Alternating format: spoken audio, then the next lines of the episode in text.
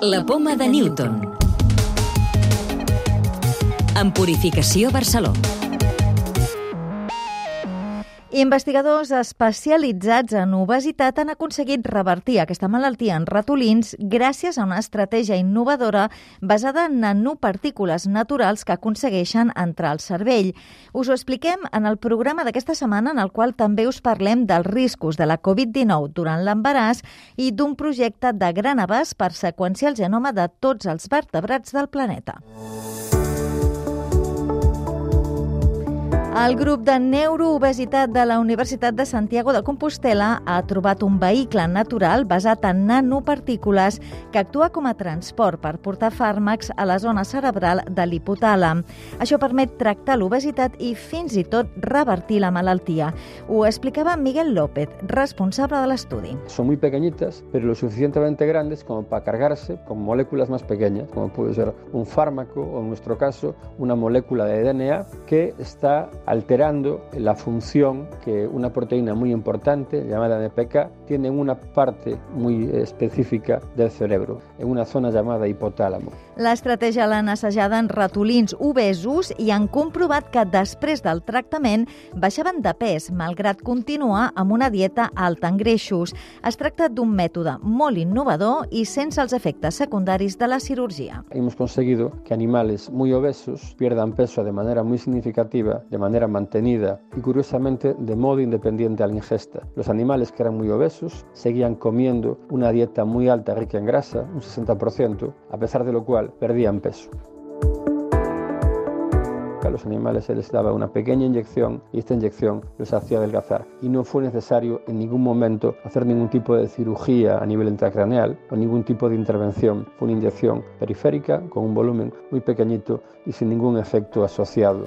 La recerca pot significar un pas important cap a un abordatge més efectiu de l'obesitat en humans, però també pot servir per tractar altres patologies relacionades amb el cervell. L'estudi, publicat a Nature, ha comptat amb el suport del programa Caixa Research. Més coses, la Covid-19 incrementa un 50% el risc de complicacions durant l'embaràs, tant per a la mare com per al nadó. És el resultat de l'estudi internacional Intercovid coordinat per la Universitat d'Oxford i en el qual hi participen l'Institut de Recerca Vall d'Hebron BIR i l'Hospital Clínic Universitari de Saragossa.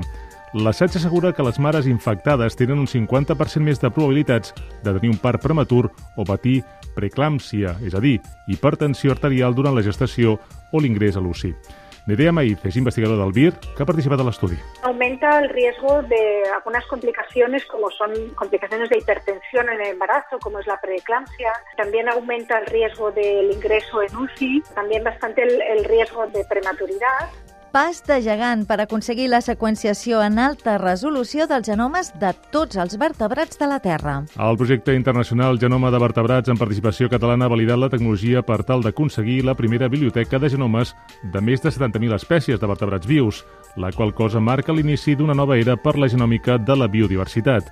Tomàs Marquès, de l'Institut de Biologia Evolutiva, ha participat en el projecte. Ens donarà informació del que està més conservat i menys conservat i saber millor com funciona una cèl·lula. I al tenir el genoma complet obrirà la porta ara a fer programes de conservació basats en la genètica. El tiranosaure rex, el dinosaure gegant carnívor que va viure al Cretaci, caminava més lent del que es pensava fins ara. És el que assegura un estudi científic que apunta que aquests animals es movien com a molt a la velocitat dels humans.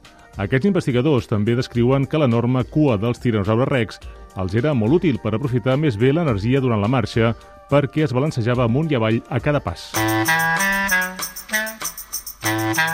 Llibres de ciència.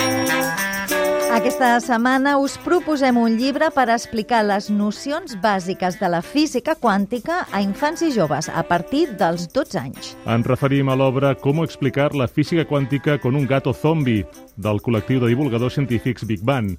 El llibre explica de forma mena i planera principis tan complicats com la dualitat quàntica, l'antimatèria o el principi d'incertesa. Com si fos una història d'aventura, reuneix dos adolescents, una gata de carrer i un científic peculiar amb una trama plena d'humor i farcida d'experiments, taules explicatives i exemples que ens fan entendre una mica millor el funcionament del món microscòpic.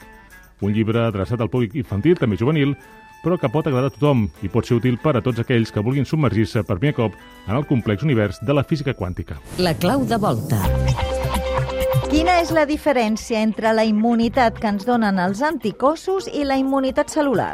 Adelaida Sarucan, investigador del Centre IS Global de la Caixa. Les dues són importants per eliminar el virus. Els anticossos són produïts pels linfocits B i s'uneixen a regions específiques del virus circulant en la sang, el qual impedeix que el virus pugui infectar a les cèl·lules de l'organisme.